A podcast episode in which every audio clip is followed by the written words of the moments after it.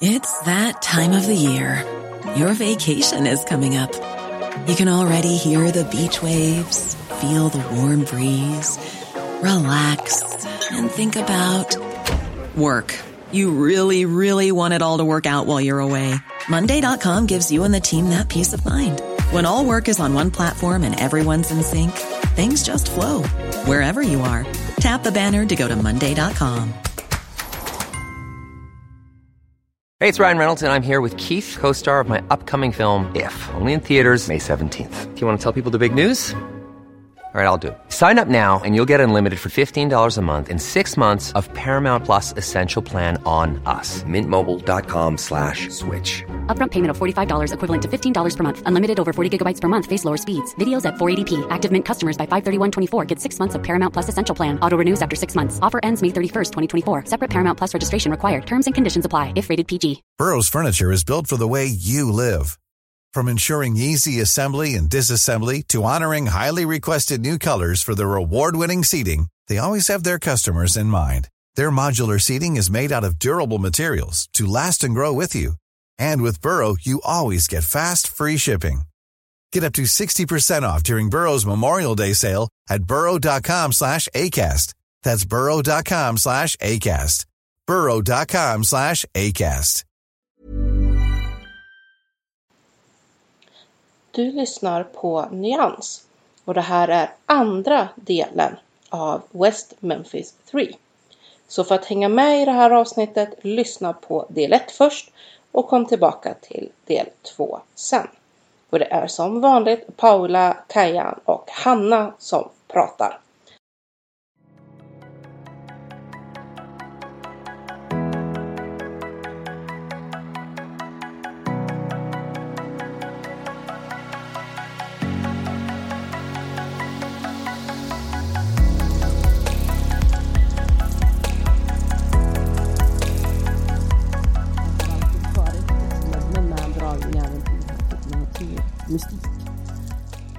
Eh, men det är ju ingen som riktigt tror på.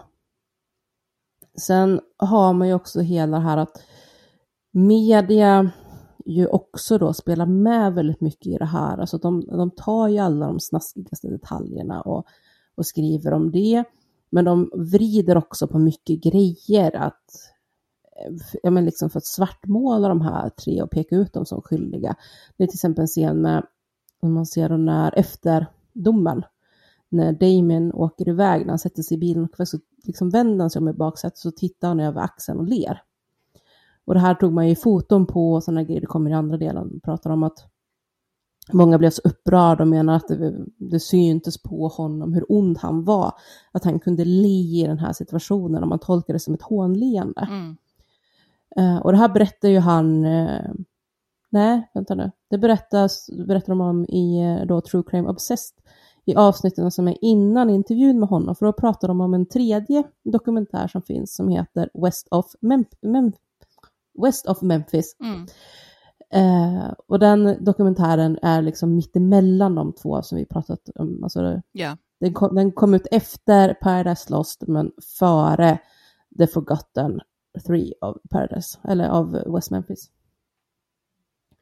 Så den är liksom mittemellan där.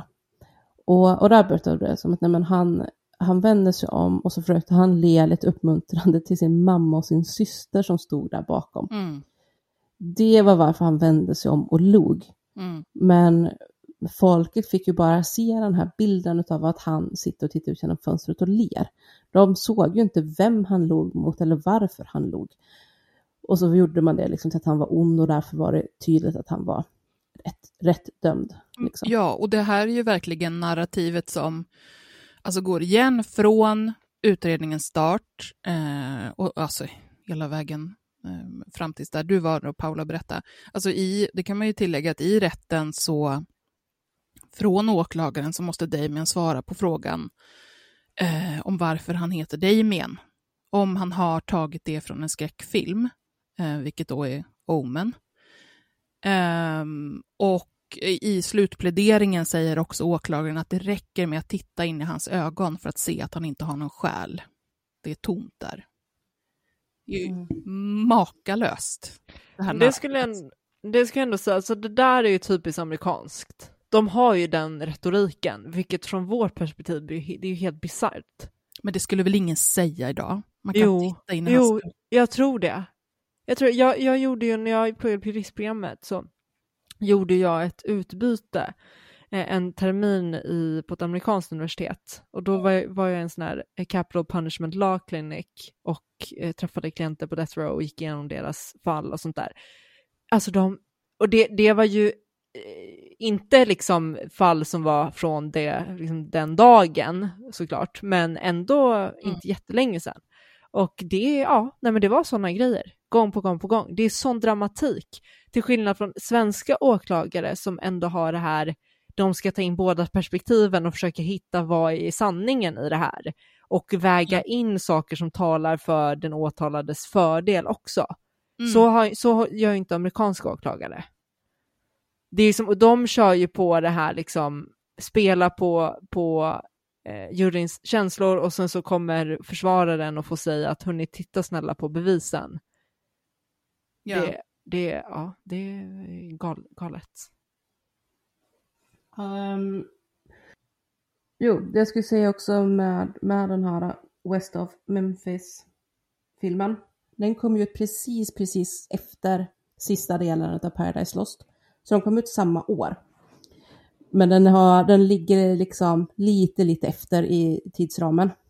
Eh, versus sista Paradise Lost. Och ehm, det, det som är intressant med den dokumentären, det är ju att den är gjord av Peter Jackson. Det vill säga han som gjorde Sagan om ringen-filmerna. Jaså? Jajamän. Och han använde en hel del av Sagan om ringen-pengarna in i både den här filmen och i rättegångar, alltså i eh, testning av DNA och sådär. Så det här DNA-bevisarna som kommer fram mot slutet av sista Paradise Lost-filmen och som också är mycket med i West of Memphis-filmen. Ja, det är 2005, 2007 Kommer- va? Ja, Ja. de kommer ju fram för att Peter Jackson ur egen ficka betalar för att man ska göra de här DNA-testerna. Okej. Ja, för det är ju många, alltså, ska vi säga kändisar som tar fram stridsyxan för de här tre dömda. Det är väldigt många olika kändisar som, Mm. som talar ut om det här och som på olika sätt försöker supporta. Och eh, där säger ju Damien också i den här intervjun att, att eh, han hade ju varit avrättad för länge sedan. Om det inte var för första Paradise Lost-filmen och det faktum att folk blev upprörda och framförallt då kända människor blev upprörda. Ja. För att rättsväsendet tvärvägrade ju att testa någonting. Mm. De, de var ju bara att nej men det här är redan avgjort. Vi tänker inte testa något. Mm. Så att anledningen, så att allt, alla de här DNA-bevisen som kom fram sen på olika sätt som visar liksom att det här, det kan inte vara dem. Eh, det, det kom till stånd bara för att det fanns rika människor som förbarmade sig och betalade för att få det gjort. Ja, och, och Så liksom, hade inte de rika funnits där, då, då hade ju inte någon kunnat hitta de här bevisen. nej, och liksom att de, att de kunde få insyn i vad det var som, som skedde och kunna engagera Exakt. sig genom det. Mm. För det, det är ju det också, liksom, att när det kommer ett väldigt känt namn och ifrågasätter och säger att jag vill veta vad ni sysslar med i det här fallet, Ja. då, då pratar folk exempel. mer. Så, så att, ehm, men, men Paradise Lost, sista delen, den slutar ju då i princip med att de blir frigivna. Medan West of Memphis följer dem lite till, så de följer dem lite grann med när de kommer hem, vad som händer, hur de börjar försöka bygga upp sina liv och sådär. Mm. Och ja, det är, ju- det är ju det som händer så småningom då med de här nya bevisningarna som kommer. Det man då till sist lyckas hitta efter en väldans massa år är ju då hår som sitter i en knut i ett av de här skosnörena som ett av barnen har blivit bundet med. Ja. Och där man konstaterar att ja, men det här håret, det kan liksom inte ha Två hårstrån till och med, va? Två, ja, ja, men de hittade ett hårstrå i en trästam också. Jo, men jag tror till och med att det var två i knuten, men de bara testade. Ja, just det. Mm. Exakt, de testade bara ett, men de hittade två. Och sen hittade de också ytterligare hårstrå i en, i en trästam i närheten av, av brottsplatsen. Mm. Och, eh, och de säger liksom så att ja, men hade det bara varit ett hårstrå så hade man kunnat skylla på att det var en sån här uh, överföring Ja. som hände hela tiden, att man tappar ett hår, alltså folk tappar hårstrån hela tiden. Och någon kan ha fått det på, alltså någon av pojkarna kan ha fått det på kläderna. I det här fallet då att Steven Branch hade kunnat fått det på kläderna. Eh, och så råkar det hamna med sig. Men när det är två stycken i samma knut så är det så här, nej. Det kan i princip bara hamna där för att personen som gör knuten råkar få med sig sitt hår medan han håller på. Ja. Och ehm, i första eh, hand när man ju testar de här grejerna så testar man ju dem då mot de tre dömda. För att titta, matchar de här hårstråna någon av de här tre dömda? Och svaret är nej. Och med detta som bevisning, liksom att ja, men, uppenbarligen är det ju någon annan som har varit på platsen också som har knutit in hårstråna i den här knuten, för de är verkligen liksom inknutna i knuten, så att det inte Mm. det ligger löst ovanpå eller någonting.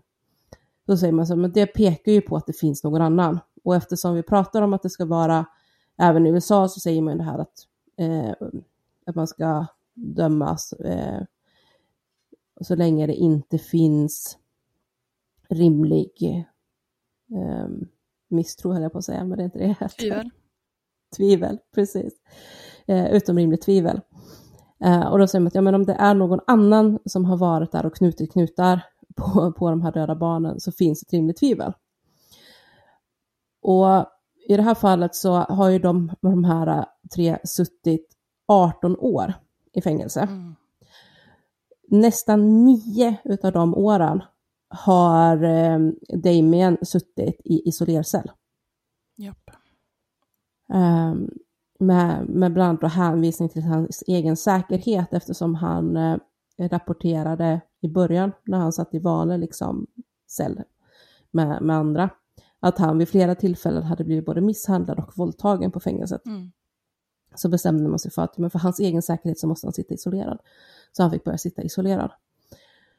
Så att han satt eh, nio och ett halvt år i isolercell innan han blev frisläppt. Mm.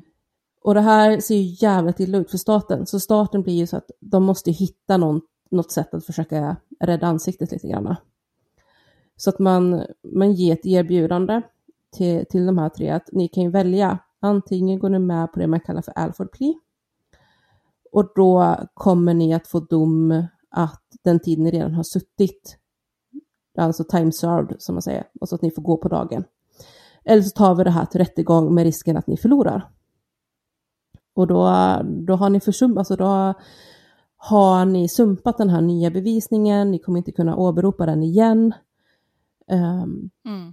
ja, det, det är liksom kört och då sitter ni där ni sitter. Vilket gör att de då, eh, alla tre bestämmer sig för att de tar eh, en Alford Plea. Och det betyder att de då ställer sig framför domaren och så säger de någonting i stil med att eh, eh, efter rådgivning med min advokat så har jag kommit fram till att det här är i mitt bästa intresse. Så att jag säger att jag är oskyldig, jag har inte begått de här morden, men jag erkänner också att ni staten har tillräckligt med bevisning för att ändå kunna få mig dömd. Mm. Eh, ungefär så. så att, och staten då på, från sitt håll säger då ungefär att vi, vi vet att vi skulle kunna sätta dit er, men vi erkänner att ni inte har gjort det här, så ni får gå. Ja. Vilket är jävligt konstigt eftersom man då liksom verkligen säger så här att ja, vi, vi kan sätta dit er fast ni inte är skyldiga bara för att vi känner för det. Ja, så liksom i laglig mening så, ja, de får gå på dagen för att det räknas som att Ja. de har suttit av sitt straff. Mm. Men de är fortfarande Mm. dömda mördare. Alltså det här är, Ja. så, jag tycker Fast det, de, är, fast de är oskyldiga. Mm, det är ju det ja. som är så sjukt, att man liksom ändå bakar in det i det. Så här, ja, ni är oskyldiga. Fast ni är ändå skyldiga. Så ni behövde sitta den här tiden, Mm. men nu får ni gå. Alltså det är, det är en sån konstig jävla grej. alltså det är ju stötande med tanke på det Mm. vi vet om bevisläget i det här fallet. Ja. Att, man, att de Mm. ens ska behöva stå inför det valet. Att, här, att ta den risken att, att man inte kommer ut men att man då får, får välja att ja, jag kommer ut med den här stämpeln att jag är en dömd mördare. Alltså det, Ja, och mycket, mycket av det var ju också att Damien hade dödsstraffet som låg Mm. över honom. Och det är Ja. ju en jävla grej att gambla med. Att vara så nej men okej, vi tar inte den här plea-dealen. Eh, vi sitter kvar och sen så försöker vi få upprättelse. ja men funkar inte det då? Mm. Eller liksom under Ja. tiden. Vad händer? Exakt. Men det är det, jag, man förstår ju fullt ut varför de valde det de valde. Ja, ja, ja, Ja. 100 procent. Men hela grejen med pre-bargains som man har i USA är ju jättekonstig. Mm. Vi får, vi får nog ta det Mm. vid ett annat tillfälle, men det finns väldigt mycket att säga om det. Ja. Ja men verkligen. Men ja, så på dagen där så får de då gå ut som fria. Och kommer jag ihåg rätt så Miss Kelly flyttar ju tillbaka till samma ställe. Flyttar in hos sin pappa. Jobbar på hans eh, bilverkstad eller något sånt här. Mm. Bilskrot. Någonting med bilar. Ehm, och um, ja, de andra har väl flyttat runt en del. Nu tror jag att Damon bor i Orlando. ja, han gifte sig ju med en av de här aktivisterna som jobbade för hans sak. Ja, precis. I Eh, som, eh, de sig. hon hon utbildade, alltså hon började väl till och med plugga in grejer bara. Alltså det var ju någonting så att hon hade typ studerat eh, sköldpaddor och sköldpaddsspett. Bara för att kunna jämföra det mot skadorna på de här pojkarna. Och det tar man upp sen i den här då, The Forgotten West Memphis 3. Alltså den nyaste utav dokumentärerna. Mm. Och titta på det, liksom så här, vilka sköldpaddor finns i det där området? Och vilka skador skulle de kunna göra? Och där man konstaterar att de, vissa utav skadorna på kroppen skulle definitivt ha kunnat komma ifrån sköldpaddor. Eh, speciellt som barnen då var, var nakna.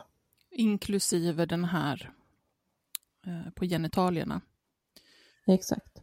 Medan andra skador så säger man att det är som vissa av såren mot huvudet till exempel. Eh, Um, man säger att de har blivit hårt slagna med någonting mot huvudet. Då säger man att det där bör däremot inte ha kunnat vara sköldpaddorna för att det är förena kanter och det syns inga rivmärken eller liknande runt om. Mm.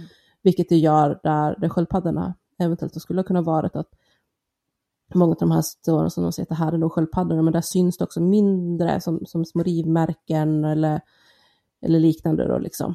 Ja, det här som de under rätt, första rättegång, eller andra rättegången blir det ju, pratade om var den här kniven och den här eh, konstiga äggen som hade gjort de här märkena. Exakt. Men som de liksom kan visa Mm. ganska tydligt att det här är ju eh, klorna på, på sköldpaddor gör exakt de här märkena. Så det är inte så Mm. konstigt. Och det var ju majoriteten av de ytliga skadorna på, Mm. på pojkarnas kroppar. Eh, härledde man i alla fall i den dokumentären till, Mm. till djurangrepp. Precis, och det är ju också en annan eh, sån här rättsmedicinsk läkare som säger att ja, men mest troligt så dog de ju för att de utsattes för trubbigt våld mot huvudet. Så att de svimmade av och sen hamnade i vattnet där de drunknade. Ja. Men att det fanns inte alls eh, spår av att det här skulle på något sätt vara rituellt eller liknande. Ehm. Men det här DNA då så tittar man ju vidare på från hårstråna. För att då börja kolla så att nej, men nu när vi vet att det inte är de här tre, att det kan inte vara dem. Vilka tre skulle det kunna vara då? Och i ehm, eh, West of Memphis, det är där man börjar titta då på Steven Branch, eh, styrpappa, eh, som heter Terry Hobbs. Och det här tittar man vidare på väldigt noga sen i då The Forgotten. Och, och det man börja med att titta på, det är ju liksom så här, vilka fanns runt de här pojkarna? Eh, som, som kunde känna dem tillräckligt väl för att få med sig dem till att börja med. Som kände till området och sådana grejer. Och då kom man fram till att ja, men papporna, till exempel, skulle det ju kunna vara. Och så börjar man be om möjligheten då att DNA-testa för att utesluta. Och eh, de, de två första, bland annat då han som man tänkte var eh, med knivarna och så, att det var han som var skyldig. Eh, de går med på att lämna DNA utan större problem. Eh, och kan uteslutas ganska direkt. Men Terry Hobbs vill inte ge DNA till att börja med. Eh, de, han vill överhuvudtaget inte svara på frågor, han är jättesvår att få tag på. Och liksom, han, han håller sig undan väldigt mycket. Eh, och efter mycket om och men så lyckas är de som lyckas lura av honom DNA i princip. Eh, och kan då testa mot, mot den här DNA-profilen från hårstråna och där se att det är en match. Att det är hans hårstrå som hittas i den här knuten. Men man kan inte använda det här i rätten eftersom man inte har fått tag i DNA på ett ärligt sätt. Utan man måste lyckas övertala honom om att lämna DNA fast man egentligen redan vet att det, är, att det kommer vara en match. Eh, för att få använda det rättsligt. Jag ser att ni vill säga saker. Ja, jag skulle bara säga att man, eh, hårstrået så kan man väl inte säga direkt att det var han, utan att det kunde vara, ja nu minns jag inte siffran, men en av typ 400. Eh, så, så, att i West Memphis så kunde det vara, uppskattar man till 30 personer har jag för mig, som skulle kunna vara, eh, ha det här hårstrået. Liksom. Men att i, i den här eh, närmaste kretsen liksom, och de man tittar på eh, kring barnen och som passar in i olika profilerares profiler och sånt så är det ju eh, Terry Hobbs. Nej, de fick en match. Är du säker? Så, så jag är ganska säker på att de fick det. Uh... I, um, i uh, The Forgotten så, så säger de att det inte är det, utan då går de igenom de där siffrorna. Så de säger att man, man kan inte använda hårstrået enbart för att det inte är tillräckligt starkt. Eftersom att det skulle kunna vara någon annan. Jag blir osäker, för jag eh, har för mig att de pratar om att det är mer det här för att det var så få. Och man därför pratar om att även om det är extremt, extremt osannolikt att hårstrån har hamnat där av en slump så kan man fortfarande försöka hävda det. Jo, det säger de också som en liksom andra reservation. Mm. Att det är dels det här att ja, men det skulle kunna tillhöra någon av de andra 30 eh, statistiskt sett i West Memphis. Men sen är det också det här att eh, det skulle kunna komma dit av någon annan liksom, förklarlig anledning. Mm. Uh, skrev upp de där siffrorna någonstans. För att de, det, det är samma sak då med det här hårstrået som de hittar på trästammen då, som, som man tittar på om det kan vara en av Terry Hobbs eh, kompisar, som också var ute och letade efter barnen. Eh, och där är det någon, någon liknande. Eh, ja, precis, som länkar ju honom via det hårstrået. Ja, och, och att det är Men där är det också, men där säger de ju mer att det är så som det sitter och sådana grejer så är det också så att, ja men den, det skulle kunna vara överföring.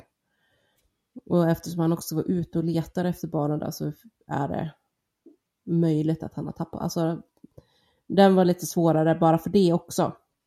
Så, så som det var och platsen där vi hittades på, så att det kunde bero på annat. Vi kan ju kika sen efter och, och sätta in någon liten, eh, något förtydligande sen i beskrivningen eller någonting. Men jag tror det. Men eh, ja, det, man, man behöver få klara, för jag vet att det Eh, Mark Byers gör ju en jättegrej av att han hade lämnat en massa pubishår med rötterna för, för de här DNA-testningarna. Um, som, som man försökt göra då för att få starkare DNA-bevis. Det, det uh, jag tänkte bara äh, säga var att um, till skillnad från Sverige har vi fri bevisföring. Gud vad det här, den här min kommentar känns jätteirrelevant nu. Den skulle kommit in tidigare. Men att bara till skillnad från, från USA så hade man kunnat använda det här. Det finns inget sånt här att ja, men det här skaffades inte fram på rätt sätt. Så därför kan vi inte ha det som bevisning. Du kan skaffa fram bevisning hur du vill i Sverige och ändå använda det. Det vill jag bara säga. Mm. Men precis, det är ju en jättestor skillnad. Um, för, för USA så har de ju ganska mycket, det, det finns mer än en eh, mordmisstänkt eller så som har kommit undan på att man typ inte hade fått search warrant för personens handväska som låg i personens bil, men man hade search warrant för bilen. Eh, och då eh, hittar man bevis i handväskan som låg i bilen och så tänkte man att det var okej och så bara nej, det här får ni inte använda för att ni hade bara search warrant för bilen, inte för handväskan och då gills det inte. Exakt, Alltså, ja. det blir helt bisarrt. Alltså det är så här, ja men man vet att den här personen har gjort det, men vi kan inte göra ett skit för vi, vi liksom sjabblar bort sättet vi gjorde det på. Eh, Ja, japp. exakt. Och det, och det är också en del i det här med, med DNA från håret, alltså att även om det är inte tillräckligt säkert, eh, för att det som Kajan säger att det var, ja men, han är en av 30, så är det också det faktum att de inte har fått hans DNA på ett ärligt sätt som gör att även om de skulle kunna liksom ringa ner det med nyare DNA-teknik nu då, liksom till säkerställa att jo, men det är verkligen hans hårstrå, så skulle de ändå inte få använda det för att det inte var korrekt DNA-inhämtning. Um, ehm, så ett jävla strul är det. Men i, i då The Forgotten så börjar man titta närmare på, på den här grejen eh, ytterligare. Och, och konstaterar ju det här och till exempel som man avslutar egentligen de två andra dokumentärerna med att polisen intervjuade i princip inte Terry Hobbs i samband med, med de här morden. Utan man bara köpte hans story för att han inte ens hade sett pojkarna den där dagen. Eh, han hade kommit hem, men de var inte hemma. Eh, han hade åkt på någon träning med, med sin andra grabb. Eh, kom hem, de var fortfarande inte hemma. Han hade letat lite grann och inte hittat dem. Sen åkte han och hämtade sin fru och då ringde de polisen.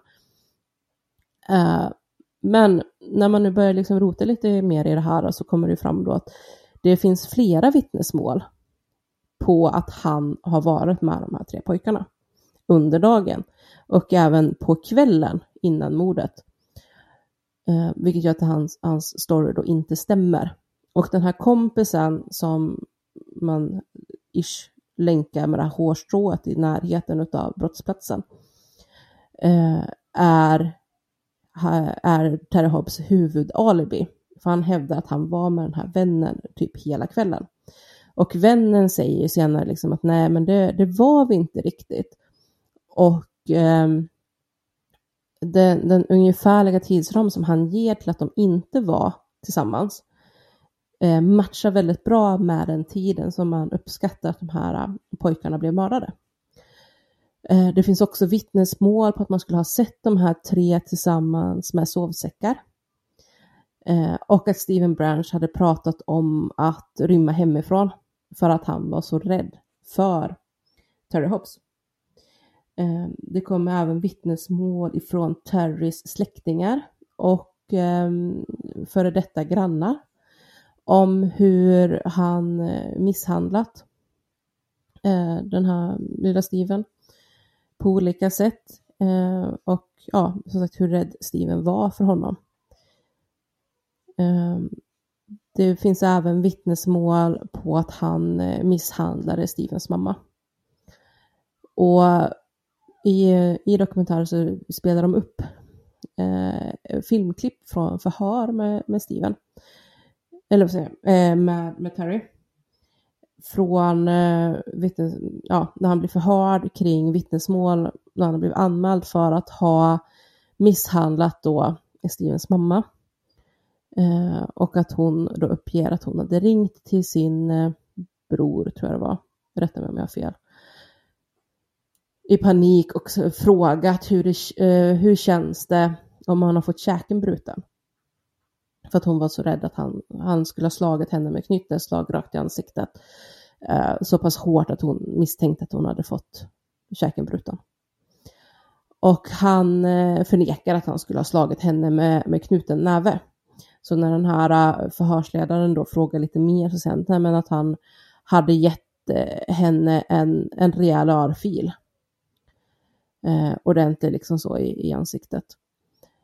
Och eh, hans argument till varför var ju då för att hon skulle ha provocerat honom under tre dagar genom att prata om en kvinna som Steven, nej, som Terry hade varit otrogen med. Eller som hon misstänkte att han hade varit otrogen med. Eh, och den, i samband med att de visar den här eh, förhören så sitter då, och vad hette han poddaren? Ruff. Eh, Bob Ruff, va? Ja, tack Ruff. Eh, han sitter ihop med en person som är en sån här gärningsmannaprofilerare. Så han har gjort en, i förhand, alltså innan de sitter och tittar på de här grejerna, så har han gjort en gärningsmannaprofil Eh, utifrån brottsplatsen och, och gamla brottsplatsbilder och, bilder och sånt där. Då. Och i den profilen så har han då sagt att men den som har gjort det här mordet, det är man, vit, ungefär 30 år gammal, med historik utav våld eh, i nära relation, typ våld mot partner eller liknande. Med ett intresse för jakt eller som har arbetat med slakt på något sätt. Eh, och som har väldigt svårt att koncentrera, eh, behärska sig eh, och kontrollera sitt humör. Och som är i barnens direkta närhet. Någon som känner. Precis, och som är nära barnen. Ja. Eh, så de börjar ju titta liksom först på de här olika och så liksom bocka av på olika sätt. Och sen se liksom vad man kan, vilka man kan räkna bort på olika sätt. Och då när de kommer till, till Terry så blir det verkligen så att ja, men när mordet begicks så var han i 30-årsåldern. Han är en vit man. Eh, det fanns vittnesmål och som man då får se där förhör med honom med anledning av anmälningar som har gjorts på grund av våld mot både barnet och hans fru. Och den här eh, gärningsmannen, gärningsmannaprofileraren reagerar ju direkt liksom på det här att han erkänner att han slog henne. Han vill inte erkänna att han slog henne med knuten näve, men han erkände ändå att han slog henne. Och tar inget som helst ansvar för det. Ingen ånger, inga känslor alls inför det, mer än att han gjorde det för det var hennes fel. Han har inga problem med det alls. Nej, noll problem med det. Och när hon liksom, den här förhörsledaren ändå försöker så här, bara, men, men kan du inte se liksom att det här var kanske inte så bra gjort? Så bara nej, nej, vadå? Hon, hon bad ju om det, alltså, det var ju hon som provocerade fram det. Mm. Och då frågar förhörsledaren typ så här, du menar att hon bad om det? Och då svarar han bara, det får du fråga henne. Ja. Um, så det finns, och så kommer det fram att i, i, i samma veva som de här morden, eller strax innan, och sånt där, så jobbade Hanna också, Terry, på slakteri. Så att han prickar ju liksom av alla de här grejerna och är den som närmast kan länkas DNA-mässigt till det här. Vilket då skapar den här nya teorin att det som har hänt är att Steven Branch vill rymma hemifrån. Hans kompisar säger att vi följer med dig en bit. De packar sovsäckar och ger sig iväg. Terry får tag på dem och ska disciplinera att eh, Steven försöker rymma. Och det går överstyr. Med resultatet att han mördar alla tre. Och sen försöker att röja upp brottsplatsen på ett sätt för att eh, vilseleda polisen. Och man har också haft misstanke mot honom, eh, inte polisen då, men, men de här aktivisterna och liknande, utifrån det faktum att Steven Branch var det barnet som var värst misshandlad. Vilket tyder på att det, det liksom var någonting personligt mot honom. De två andra, de bara råkade vara där. Eh, men det var Steven som, ja, någon, mest väldigt troligt, eh, hans styvpappa då, ville åt. Förlåt, nu bryter jag in det jag tyckte ja. var så intressant bara var, var det här med, för, för, jag tänkte på det så himla mycket i, i dokumentären, att det var så intressant eh, profileringsarbetet liksom som, som han gjorde. Det är ju, det är ju den här poddaren som, som tar in olika välrenommerade experter och den här profileraren är ju verkligen det. Och det här med att han eh, sätter in då att den eh, att förövaren eh, antingen håller på med jakt eller, eller har jobbat eller jobbar eh, med slakt är ju utifrån hur de här eh, fastbindningarna med skosnörena var gjorda. Att de mm. var gjorda på ett sådant sätt som liksom inte förhindrade pojkarna från att röra sig egentligen, utan det var ju lite avstånd mellan, mellan händerna och fötterna, så man skulle kunna eh, springa om man höll ner händerna, liksom, till exempel mot, mot fötterna. Och att han, då profileraren, anser att det här, eller gissar då att det här är nog snarare någonting som har gjorts efter att barnen är medelslösa, för att det är lättare att hantera eh, kropparna på liknande sätt som man gör eh, med djur liksom, eh, på, Mm. på slakteri. Det var verkligen en sån, alltså när det i dokumentären då kommer fram att Terry Hobbs också har jobbat på slakteri, då var det som okej. Mm. Ja men verkligen. Ehm, nej, alltså de här sätten barnen var bunden på, det är ju lite hur man gör för att kunna bära eh, typ ett vildsvin över axeln. Det är därför också kallas för hogtied. Jättefult ord, men det är därför. Eh, och det faller ju också in i det här eh, som, som experter hela vägen, även i försvaret, liksom från allra första början, och sett så här, att, ja, men, att eh, det du var inne också på, eller ni var inne på innan det här med att det inte fanns något blod. It's that time of the year. Your vacation is coming up. You can already hear the beach waves, feel the warm breeze, relax, and think about work. You really, really want it all to work out while you're away. Monday.com gives you and the team that peace of mind. When all work is on one platform and everyone's in sync, things just flow wherever you are. Tap the banner to go to Monday.com. When you're ready to pop the question, the last thing you want to do is second guess the ring. At Bluenile.com, you can design a one of a kind ring with the ease and convenience of shopping online. Choose your diamond and setting. When you find the one, you'll get it delivered right to your door. Go to Bluenile.com and use promo code LISTEN to get $50 off your purchase of $500 or more. That's code LISTEN at Bluenile.com for $50 off your purchase. Bluenile.com code LISTEN. De har sagt att det, det är inte rimligt att hävda att barnen mördades på plats i den här, vid den här bäcken. För att eh, även om man stod och liksom försökte skölja upp vatten mot den här avsatsen, de menade på att det här ritualmorden skulle ha skett och sådana grejer, så, så skulle det inte gå att skölja bort allt det här blodet. Eftersom det handlar om en 6-7 liter blod i alla fall. Det är liksom för mycket för att det ska gå att skölja bort på det sättet. Och ändå hittar man liksom inte en droppe blod där. Så att man menar på att nej, men de måste ju nästan ha blivit, alltså de skadorna som gav sår och gjorde att de blödde, det måste liksom ha främst skett någon annanstans. Och sen kastades de i vattnet och drunknade. Och så uppstod alla de här ytliga såren efteråt när eh, sköldpaddorna gick till attack och därför blev det inte mer blod. Mm. Eh, men att det, det var inte i första hand direkt där som de hade blivit mördare. Och då stämmer det in på den här typen av bindning också, att det kan ha varit någonting han, förövaren gjorde för att kunna bära barnen ner till vattnet och dumpa kropparna. Jag vet också att utifrån det här hårstrå och de testningarna så kunde man ju även eh, eh, avskriva den här svarta mannen. Också så man vet att han, han var blodig och blöt utav andra skäl. Men han hade inte med det där att göra.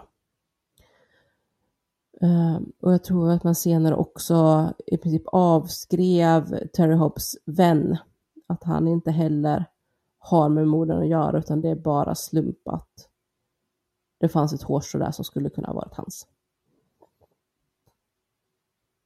Men där, där det här egentligen lämnar är ju då eh, att man har en ny typ av teknik som innebär att man gör en form av dammsugning av en textil eller liknande. Eh, man, man stoppar liksom det som ska testas i en form av skåp, om jag förstått det rätt. Och sen sprutar man på en typ av vätska och dammsuger upp det med en liten vakuumsug samtidigt. Och på det sättet så ska man kunna då få, få fatt i till exempel små hudflagor eller liknande för att kunna göra då modern DNA-testning som, som är ännu lite säkrare. När man kan få ut liksom mer fullständiga DNA-profiler. Och det här vill man då få igenom att kunna göra på, på en bit av det här repet, som, som, eller repet är inte skosnöret, eh, från något av de här barnen. Och den här filmen kom, alltså den här The Forgotten kom ut då, alltså 2020. Och när den slutar så har man fortfarande inte fått tag i ansvariga för utredningen för att kunna kräva att få ta del av eh, bevismaterialen för att kunna göra den här eh, testningen. Och eh, man fortsatte att driva det här. Eh. Sen blev det ju lite, eh, det kom corona emellan eh, och, och ställde till det och sådär, så att det har dragit ut på tiden. Men tidigare i år, alltså 2022, så fick de till sist till eh, en, eller de och de, men Damien fick igenom då att få höras inför en domare om det här. Och eh, under den här förhandlingen så argumenterade då åklagarmyndigheten för att man inte ville lämna ut de här bevismaterialen med hänvisning till att om eh, Damien testade eh, en bit av skosnöret och eh, de inte hittade någonting, det, det fanns inga mm, hudflagor precis där eller ja, i, den, i den här knuten, för han vill ju testa knuten såklart, för där vet man med, med säkerhet att personen som knöt har liksom varit med sina fingrar. Eh, men att om, om ingenting kommer fram, men då är den här eh, knuten förbrukad. Då går den inte att testa igen. Och eftersom Jason och eh, Jesse inte var med på den här grejen nu, så säger man att ja, men då kanske han berövar dem möjligheten att begära, begära nya testningar framöver. Ehm, det här verkar inte domaren ha fäst så mycket vikt vid, utan det som istället händer är att man tittar, domaren tittar på lagen och sen enligt då eh, Damiens eh, advokat tolkar den snävast möjliga i princip. Och så säger man att nej, men eftersom Damien inte längre sitter i fängelse för att han gjorde, gjorde sin Alford eh, och det här då inte räknas som ett pågående fall så får inte han begära ny DNA-testning och därför kan han inte begära ut de här bevismaterialen. Så det här blev då avslaget. Så just nu så, så går det inte att göra den här nya DNA-testningen för att liksom en gång för alla försöka hitta tydliga DNA-bevis på vem som kan ha varit inblandad i det här. Eh, det här har Damon överklagat, men den överklagan kommer de ju inte att titta på i år troligtvis, utan kanske tidigast nästa år. Eh, så där, där är fallet i stort just nu, att det står och trampar vatten i väntan på att man ska kunna få göra ännu lite fler DNA-tester. Samtidigt nämner ju Damien i den här intervjun att han, han är inte så säker på att de här bevisen ens finns kvar längre, det här bevismaterialet. För att när han satt på Death Row så var det en annan man som också var från West Memphis som satt inne på Death Row som senare blev avrättad. Och eh, där han försökte få prövning utifrån nya bevis. Eh, men där West Memphis poliskår slarvade bort bevisen. Så att när det väl var dags för den här prövningen så fanns inte bevisen kvar längre. Och då kunde inte de här nya testerna göras som hade eventuellt kunnat fria honom. Och då fick han ingen resning och blev avrättad. Um, och West Memphis poliskår är också under utredning av FBI på grund av liknande händelser med eh, bevismaterial som försvinner eh, när dömda försöker få resning. Mm. Just det. Jag menar att jag kommer ihåg det, för annars glömmer jag det här. För det glömde jag ju när jag tipsade dig, Kajan, om Paradise Lost. Om ni ska titta på den, gör det, för det är jättebra serie verkligen. Men till Paradise Lost, första och tredje delen, varning, varning för inledningarna, alltså när förtexterna kommer. För i båda de delarna så varvar man nämligen förtexten med brottsplatsfilmen. Polisens brottsplatsfilm, den äkta brottsplatsfilmen från när man hittar pojkarna. Så att man får se bäcken och när poliserna går runt där, man får se barnens kroppar först på avstånd och sen i närbild, osensurerat. Så um, man kan titta i en annan riktning medan förtexterna rullar eller bara hoppa några minuter fram för att slippa det om ni tycker att sånt är jättejobbigt. Ja, och den är ju väldigt överlag alla tre delar så det, återkommer ju ehm, bilder och så. Ehm, men i de andra situationerna kan man liksom see it coming, att de håller upp bild inför juryn och sånt där. Ehm, just introna är man inte riktigt beredd eh, på att det är och det är ju väldigt alltså, ovanligt, det vet jag att man säger i Bob Ruff ehm, dokumentären också, att vanligtvis är det svårt att få tag på, på, på bilder som är så grafiska direkt från brottsplats och på offer. Men här är liksom allt Mm. tillgängligt. Och i synnerhet när det gäller barn Gud ja. brukar det ju vara jättesvårt. Um, jag skulle säga också att med, med de andra när de visar att ganska ofta så, um, så är det mer inzoomade grejer på skadorna och sådär. Ja. Och det, är- det är lite lättare på något sätt. Det är, Jag tyckte i alla fall att det var betydligt jobbigare att se liksom, de här närbilderna på, på barnens ansikten och så. ja det är När de Totalt hittade. Det är fruktansvärt. liksom tufft. Ja. så, så, så eh, hemskt och vidrigt som det bara kan bli. Och eh, som sagt, det är Mm. eh, inzoomningar och man, man sveper över kroppen och sånt där på eh, jätte, jätte, eh, jätte, jättevarning. ja, så det blir väldigt lättläst. Som sagt, hoppa första typ fem minuterna och sen är på säkra sidan. Ja. Det, och det sägs inte så speciellt mycket av vikt precis där i början heller, så att ni missar ingenting jätteviktigt. Nej, och de upprepar ju det Ja. mesta sen så. Ja, det gör de. Och de upprepar väldigt mycket i andra delen utan de här bilderna, Ja. kan man ju säga. Eh, Men verkligen också den här senaste då, eh, Bob Ruff Det dokumentärserien. har gått med West Memphis 3. Ja. Eh, Supervälgjord. vad sa vi? Du, Via satt hade du sett den på, jag tittade på Seymour. Via Play, Via Play, Mm. just det. precis. Mm. Där fanns den. Eh, två delar, en och en halv timme styck.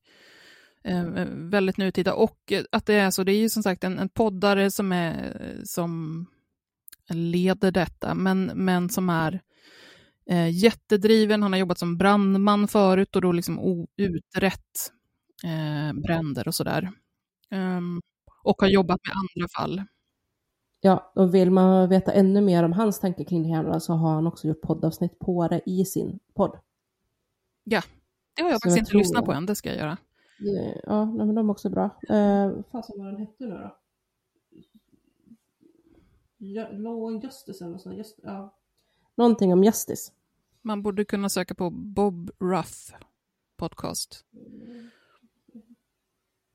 Eh, nej men också ett, en, en person som ger ett väldigt eh, sympatiskt och professionellt intryck. Eh, och som uttryckligen säger att han kommer inte ge sig. Det är han som pratar om den här eh, M-vacken väldigt mycket.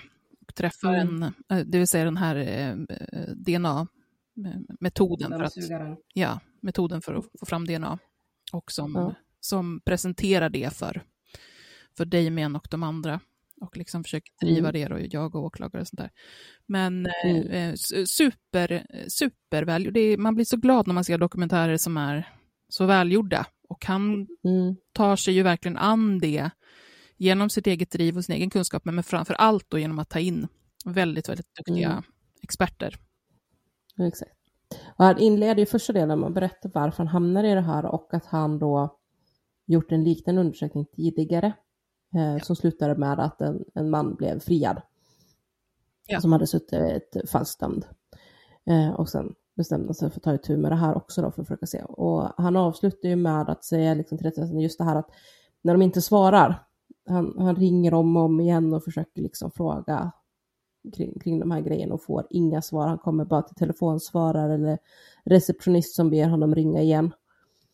Um, och, och säger liksom att det är som att rättsväsendet redan har bestämt att ja, men det var de här tre och även om de varit frisläppta till sist så tänker inte vi ändra oss.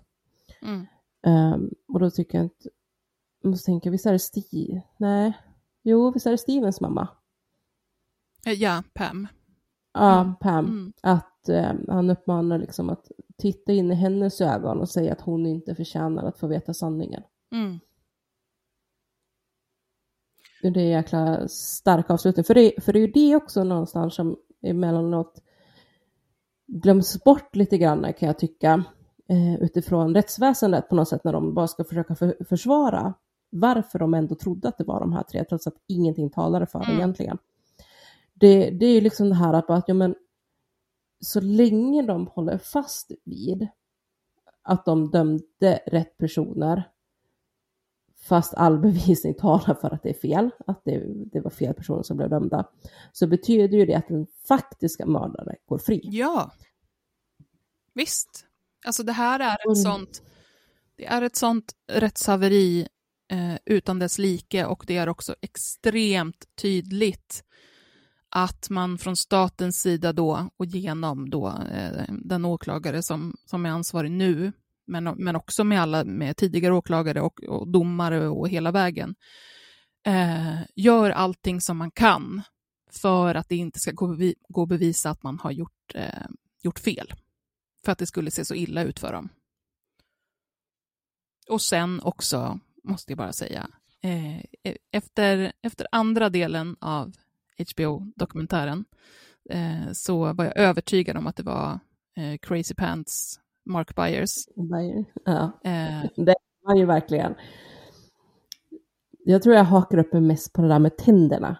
Att han Ja. inte kunde klara det där med tänderna och så pekar man på att något av barnen skulle ha ett bett liksom. Och man bara, ja, ah, där har vi det liksom. där, där har vi det, där har vi det. Ja. Men sen då efter, efter sista delen och sen framför allt efter Bob Ruff-dokumentären. Eh, från mitt håll, eh, Terry Hobbs, solklart.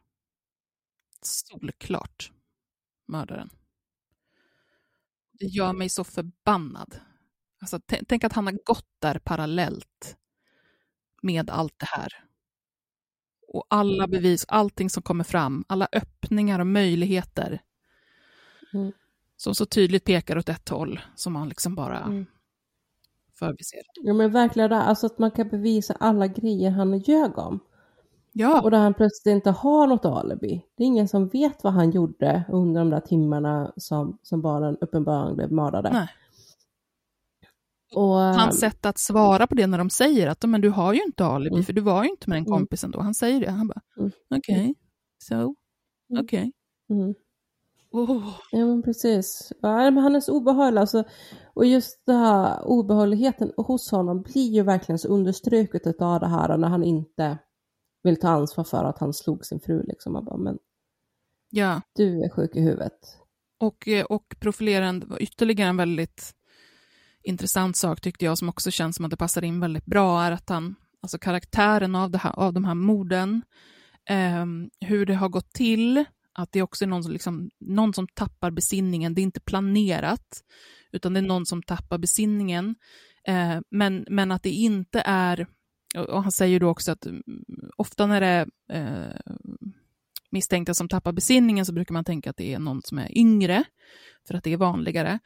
Men att den här personen har stannat kvar och tagit de här åtgärderna, bara ta kläderna och liksom hitta de här eh, kvistarna, vill jag säga, pinnarna, liksom, och sticka ner dem. Alltså, det har ju tagit så lång tid, gå tillbaka, hitta cyklarna, sänka dem. Att det är en person som troligtvis eh, är äldre, men också att det är en person som eh, har bestraffningar nära till hands och att det här är en, en bestraffning som har spårat ur.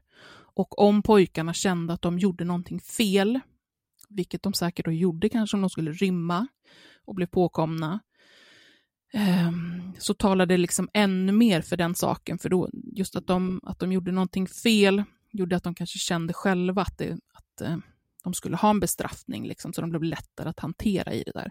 Och alla de här sakerna går ju rakt, eh, pekar ju rakt mot Terry Hobbs, som ju liksom det finns vittnesmål om eh, Eh, bestraffade sin styvson när han typ var tre, fyra år eh, och pottränade och liksom hade olyckor. Eh, bestraffade honom fysiskt liksom. Ja, och det är så sjukt, det är ju en granne bland annat som berättar det. Och det det är någon annan också, det, det är någon kvinna bland annat som berättar, där, där det blir också det här kom, alltså påminnelsen om att aga är tillåtet i USA. Mm, det. För att när hon berättar om det så är det liksom så här bara, ja och det var ju inte så att han bara smiskade eller några rapp med ett bälte som man gör. Nej. Utan eh, han, det var alltid liksom så här svåra slag med knytnäve. Och att han gick över styr. Och man blir liksom så här, alltså några rapp med ett bälte är att gå över styr. Mm. Men det såg hon som fullt normalt, utan det var liksom sådär just det här att han ja, att han redan där kunde liksom tappa besinningen och slå för mycket för hårt knytnävsslag mot en treåring Ja. ja men som fick dem att reagera. Precis, de skiljer ju verkligen på så här disciplinärt våld mot barn. Att det är sånt som man liksom måste. Eh, och det är ju också när de pratar med Mark Byers, jag menar han slog ju också, eh, som vi har pratat om, eh, sin, sin styrson. Men också varit så här, nej, nej, nej, jag gjorde det aldrig, jag gjorde honom aldrig illa. Eh, men jag slog honom med bältet liksom. Men det var disciplinärt. Mm. Så, Mm. Ja, men det, det är så närvarande.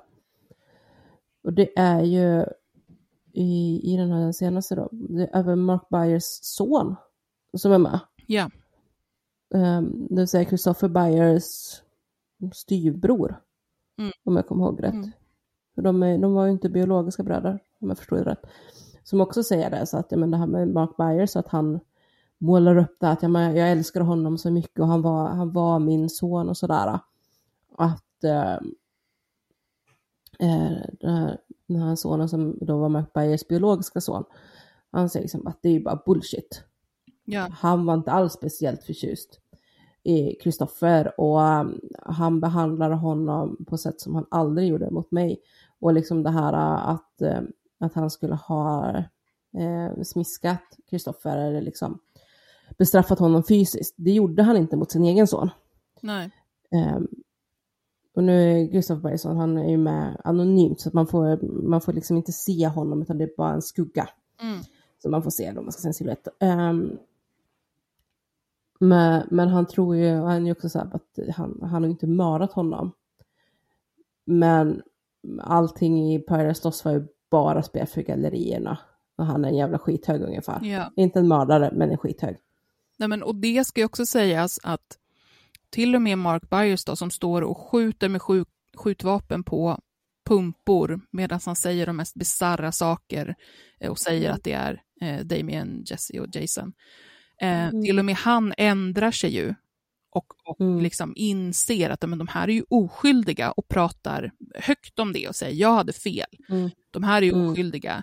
Eh, Pam, mamman som också är med, eh, är också liksom inne. Jag vill bara veta vem det var eh, Mm. som mördade Men mitt det faktiskt Liksom. var. Men den enda Mm. som inte liksom ändrar sig, utan som vidhåller att det är de här tre som blev dömda, är ju Terry Hobbs. Mm. Jag tycker det är rätt talande också. Ja, jo men det säger ju också mycket. Verkligen. För att eh, ingen vid sina sinnes fulla skulle jag säga kan ta del av allt det här materialet och fortsätta tro att de var, eh, var skyldiga. Nej, nej. Och eh, det framkommer ju också i det nyaste av dokumentärerna att eh, de pratar om det här, att jo, men, domaren erkänner ju också senare, liksom lite off record, att eh, hade det gått till, eh, till faktisk domstolsförhandling, då hade de ju blivit friade. Ja. Men han fick ju typ order uppifrån att de måste försöka rädda Face Mm. från statens sida, så att de kan inte, alltså de måste försöka pressa fram så att det inte går till rättegång. Mm. Men skulle det gå till rättegång så hade de ju blivit friade, men det kan, ja. Men den, den chansen ville de inte ta från, för det hade ju sett sämre ut för staten liksom. Ja. Och de hade ju också haft större möjligheter att få ett skadestånd och sådana grejer. Om det hade gått Ja, till eh, precis. rättegång och de hade blivit friade. Än vad de hade nu, så nu fick de ju i princip ingenting. Med hänvisning till att jo, fast ni erkände ju typ, fast ändå inte. Mm. Alltså det kan ni tänka, Ehm. 18 år och allt Mm. det här och man får inte en skadestånd. Nej. Ja. Det är så sjukt. Ja, ja det är jätte, jätte, jätte skumt alltihopa. Vi får ju ta och, eh, alltså för tack och lov ändå med det här fallet, alltså grejen är att det här vi har tagit upp nu, det är ju liksom långt ifrån allt. Det är ju så många vändor, det är så många detaljer eh, och grejer hit och dit, så att det går liksom inte att sitta ta upp allting. Då skulle vi sitta här i några veckor liksom. Mm. Men vi, Och det är därför jag också blandar ihop fram och tillbaka, Ja, vem, vem som hade vilka sådnamn och så vidare och så vidare. Det är så många rundor. ja det är så himla mycket. Åh. Och detaljer som liksom ändrar sen. Alltså som, som det här med Mm. bitmärket som sen är liksom är sköldpaddor. Alltså det är så mycket. Men, Mm. men det är ju också eftersom att det finns väldigt mycket material. Det finns flera dokumentärer, det finns väldigt mycket att lyssna på och sådär. Så kan vi väl försöka att eh, slänga in lite ordentligt med länkar så att man kan eh, lyssna mer liksom, och fördjupa sig Ja, i det. det finns massor. Ja, och se var man själv landar någonstans. Och liksom Ja. fortsätta följa det här också, för som sagt, det är inte slut. Nej, precis. Alltså Damien Eccles finns att följa på uh, Eccles, jag ska uttala det rätt också, eh, finns ju att följa på Twitter till exempel.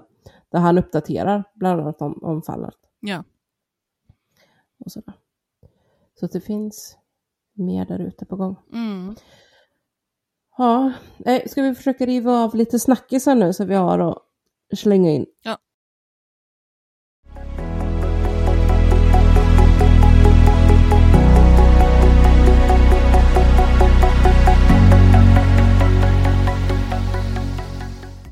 Du lyssnar på Nyans.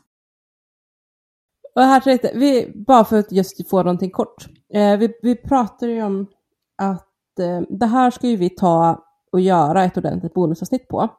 Men jag vill ändå att vi pratar lite kort om det, det här med att det nu är en, en, ytterligare en man som har friats i hovrätten för våldtäkt eftersom han hävdar att han sov.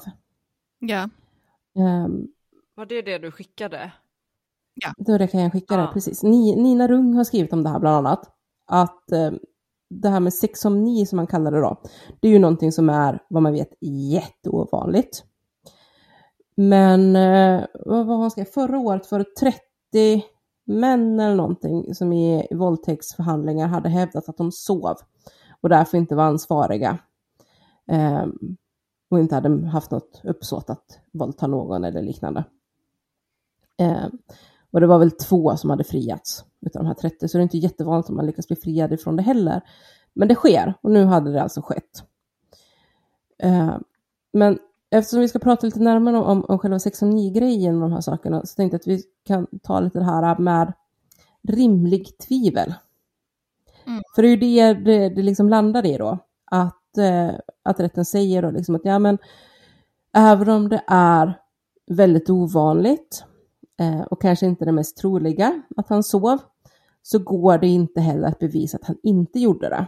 Och därför finns det rimligt tvivel och då ska han frias. Och jag lyssnade idag på, på ett avsnitt av eh, Över min döda kropp.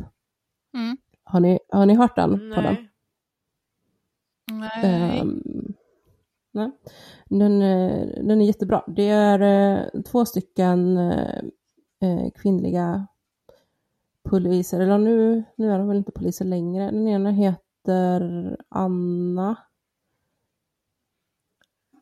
Och den andra glömde jag bort nu för att mitt namnminne är vad det är. Eh, men ehm, ja, skitsamma. Över min döda kropp heter podden i alla fall. Anna- Den. Anna Jinghede och Lena Ljungdahl. Ja, tack. Ehm, ja, bå, båda har arbetat som poliser i yttre tjänst och senare eh, olika specialiseringar. Ehm, den ena jobbar nu som rättsmedicinsk tandläkare. Oj, vad intressant. Mm, jäkligt spännande. Väldigt nischat. Hon är den enda i hela Sverige om jag förstod det rätt. Mhm. Eh, det, fin- det finns liksom bara en. Så att det, det hon gör, det är ju verkligen så, kommer in eh, ett mordoffer så, så är det hon som tittar på tänder. Alltså kollar om det finns tandkort, försöker matcha tänder på olika sätt. Men också titta utifrån då käke, tänder, sådana här grejer. Vad, alltså försöka hitta grejer som kan ha med dödsorsaken att göra. Och så Väldigt, väldigt spännande. Eh, och den andra har bland annat jobbat då som spanare på narkotikaroten och sådär. Men är nu föreläsare. Men gud, de har 268 uh, avsnitt. Ja, de har hållit på i tre år. Ish. Ska lyssna in. Lite mer. Mm. Uh, och de är jätteroliga, men, men det är också lite så här lite liknande, ja, inte riktigt, men, men de kallar sig ju så här för krimpoddarnas krimpodd.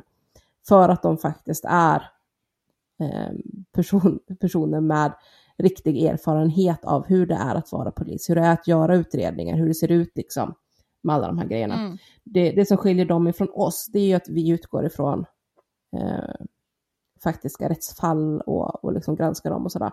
Medan de pratar ju egna erfarenheter yeah. eh, kring olika teman på olika sätt och sådär. Eh, ja, men pratar liksom avsnitt hur det är att vara på spaning och så pratar man om hur det är att vara på spaning. Mm. Eller så. Så det är lite annorlunda, men de, de, som sagt, de är jätteroliga. Men då pratar de också om det här med rimlig tvivel.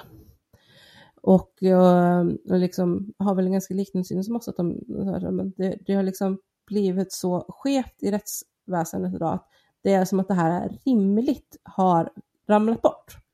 Mm.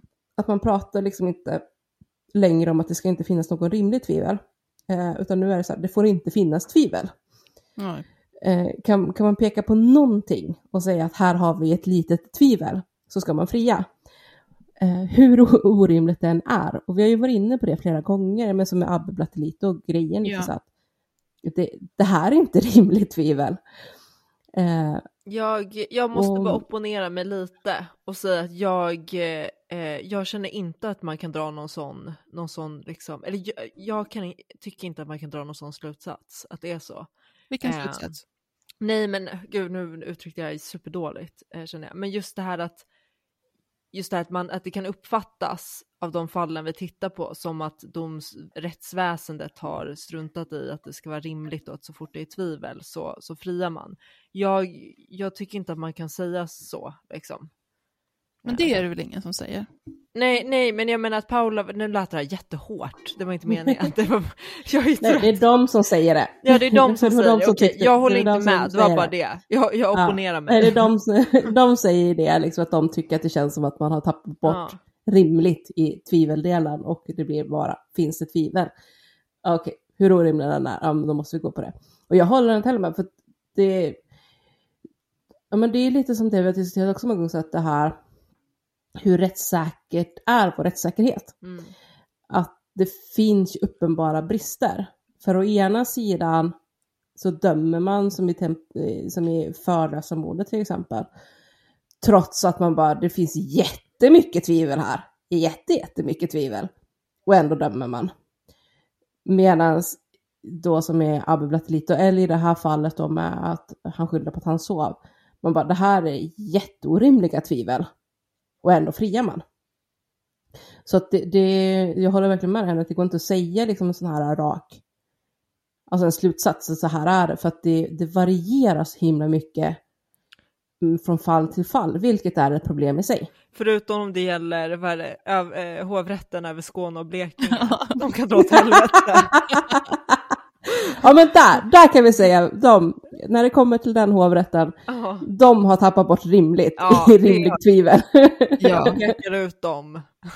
Och det är ju diskussionerna kring dem, där har vi ju haft den här diskussionen också. Eh, och för jag, jag kan hålla med om att det, att det finns fall mm, när, man, när man dömer fel med det här som, eh, att man åberopar det här, att det, att det kan finnas något annat som inte alls är rimligt. Mm. Eh, men, men det är som sagt i, i uh, några fall då och då. Jag ska inte säga att det är någon liksom, övergripande trend liksom, på något sätt. Förutom i Skåne och Blekinge. Ja, förutom i Skåne och Blekinge. De kan dra åt helvete. Bajsdomstol alltså. De är sämst. Ja, ni, ni som förhoppningsvis har lyssnat några avsnitt på oss, ni förstår varför vi säger så. Och är ni ny lyssnare och därför inte har en aning om vad vi pratar om så får ni helt enkelt eh, backa bakåt och lyssna på de gamla avsnitten så förstår ni oss. Så förstår ni varför de kan dra åt helvete och sämst. Det är allt ni behöver ta med er. Exakt. Ja, men vad kul, vad kul med mm, poddtips. Ehm, Mm. Det ska vi banna mig slänga in lite mer. Jag blir jätteglad för sånt själv. Mm. Mm. Det får jag Jag göra. ska lys- Eh, lyssna in på. ja, får passa på att tagga dem också så att de ser att vi finns. Krimpodd till krimpodd. Ja, verkligen. Mm. Kroka Mm. arm. Ja, exakt. Ja, men hörni ni, ni. Mm. Nu har jag börjat smygäta på en macka här, hoppas att det låter. Det är därför jag håller på att muta mig själv av och på hela tiden. Jag trodde du skulle säga smygröka och det hade varit så friskande. Mm. Ja, nej, herregud. Vet ni vad, nu är klockan nästan elva. Vi behöver sova. Ja. Vi säger tack och hej för oss och så hörs vi eh, nästa vecka. Det gör vi. Mm. Hej då! Hej.